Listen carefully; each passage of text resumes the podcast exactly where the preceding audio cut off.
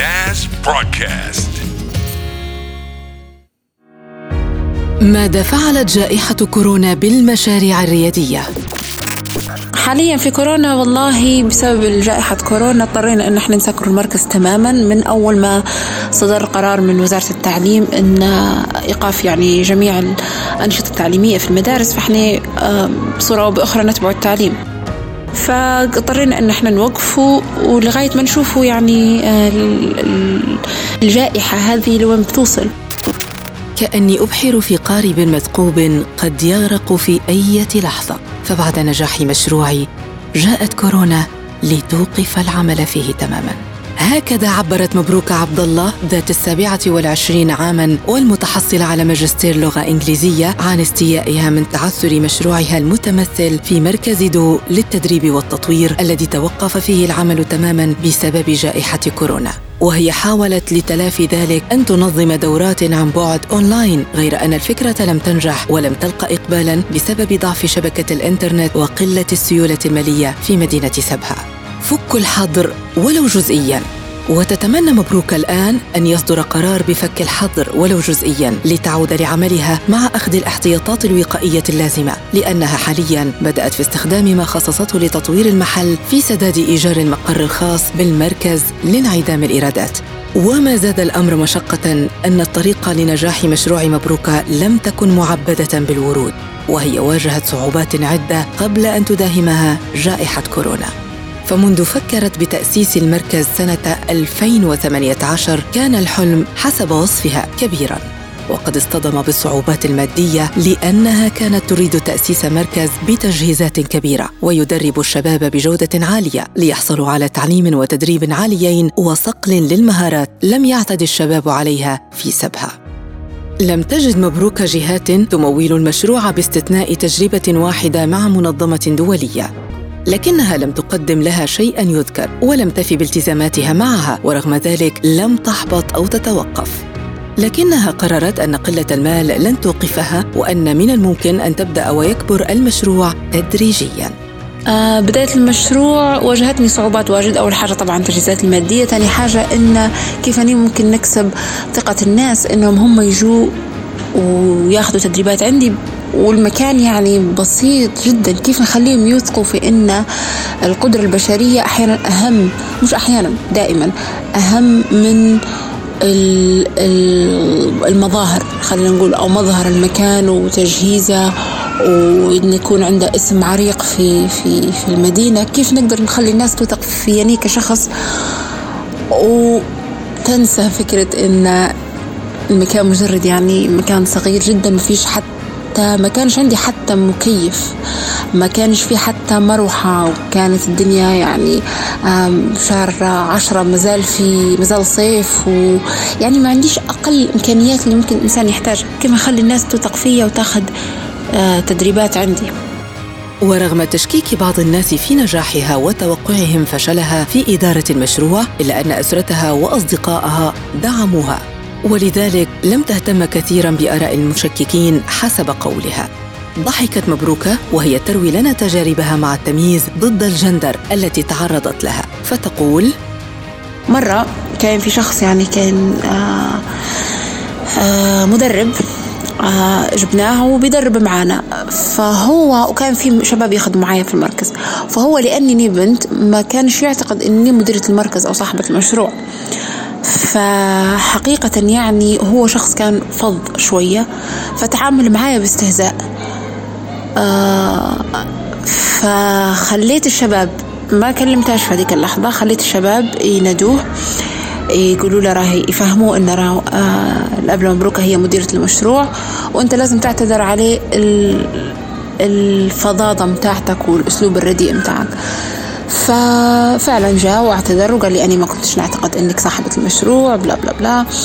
فأنا قلت له يعني قلت له أن النماذج هذه والتصرفات هذه مرة علي واجد وما عمرها أثرت فيا شخصيا. حتى هو لما لما تصرف بالطريقة هذه آه، حقيقة والله العظيم أشفقت عليه هو إن هو عنده تفكيره هو.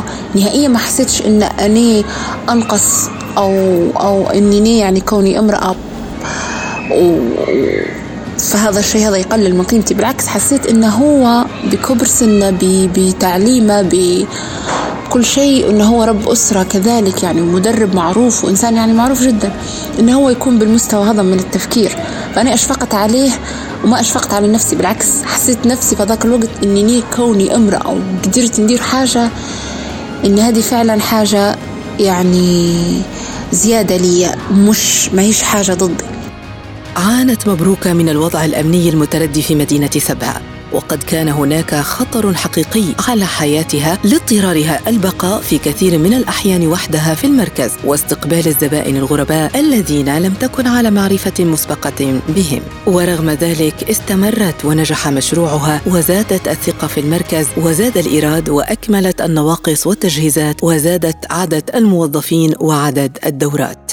الصمود في وجه الجائحة. عائشة معيوف 27 سنة ليسانس لغة إنجليزية تخصص ترجمة لا تختلف قصتها كثيرا عن قصة مبروكة.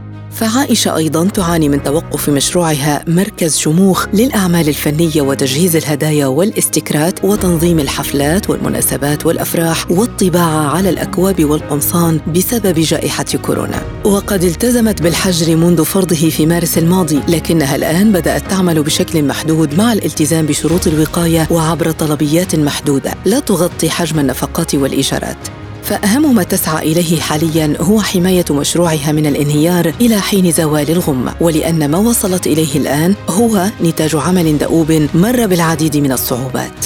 آه، طبعا فكرة مشروعي كانت غير متوفرة في سبها بحيث أن مركزي كان أول مركز في سبها متخصص في تجهيز وتغليف الهدايا جميع المناسبات والتنسيق لها.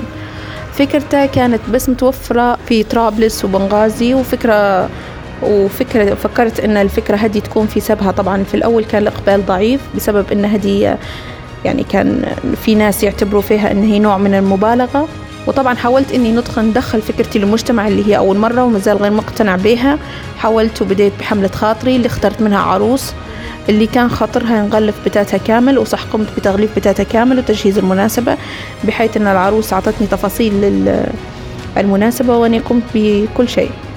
طبعا هذا كله كان مجانا كان بمثابة تحدي لي. في ناس دارت إنه هو مبالغ وإسراف يعني وفكرة غربية وخاشة. وفي من فكر إن التوجهات لشيء معين يعني بطبيعة إن الفكرة جديدة. في حال يعني التغليف زي مثلا في حال تغليف هدية وقت نشوف بنوصلوا الهدية في من مش مصدق ان في محل هدايا في سبها. لكن الانطلاقة القوية للمشروع بدأت عندما نظمت الحفل الافتتاحي لمكافحة سرطان الثدي برعاية مركز الأورام في عام 2018 في المسرح الشعبي توضح عائشة وهي تؤكد ارتباطها بعملها واستمتاعها به وكشفت أن سر تميزها أنها كانت تستمع إلى الزبون باهتمام لتعرف ما يريد بالضبط لتقدمه له فيشعر كأنه قام به بنفسه. مشاريع تحرك الاقتصاد. ويرى الأستاذ في كلية الاقتصاد والخبير في ريادة الأعمال عمر أبو القاسم أن هذه المشاريع الريادية رغم أنها مشاريع صغيرة إلا أنها محرك للاقتصاد الوطني وتساهم في رفع معدلات النمو للقطاعات الاقتصادية الخدمية والإنتاجية. وعن تداعيات جائحة كورونا يلفت أبو القاسم إلى أن هذه المشاريع هي كغيرها من المشاريع. تأثرت بشكل كبير لعدم وجود الإطار القانوني الذي يضمن لها التأمين ضد هذه الظروف. وحتى إن كان موجودا فهو غير مفعل. ويشدد على أهمية أن تأخذ هذه المشروعات الصفة القانونية لتدفع ما عليها من التزامات. ومن ثم يترتب لها حقوق ملزمة الوفاء من قبل الدولة. ومن هذه الحقوق التي تكتسبها في مثل هذه الحالات ومنها جائحة كورونا. تم إنتاج هذه القصة بدعم من الاتحاد الأوروبي ضمن مشروع أصوات من أجل التغيير بالشراكة مع معهد صحافة الحرب والسلم. محتويات القصة هي مسؤولية إذاعة ناس ولا تعكس بالضرورة وجهات نظر الاتحاد الأوروبي. ناس برودكاست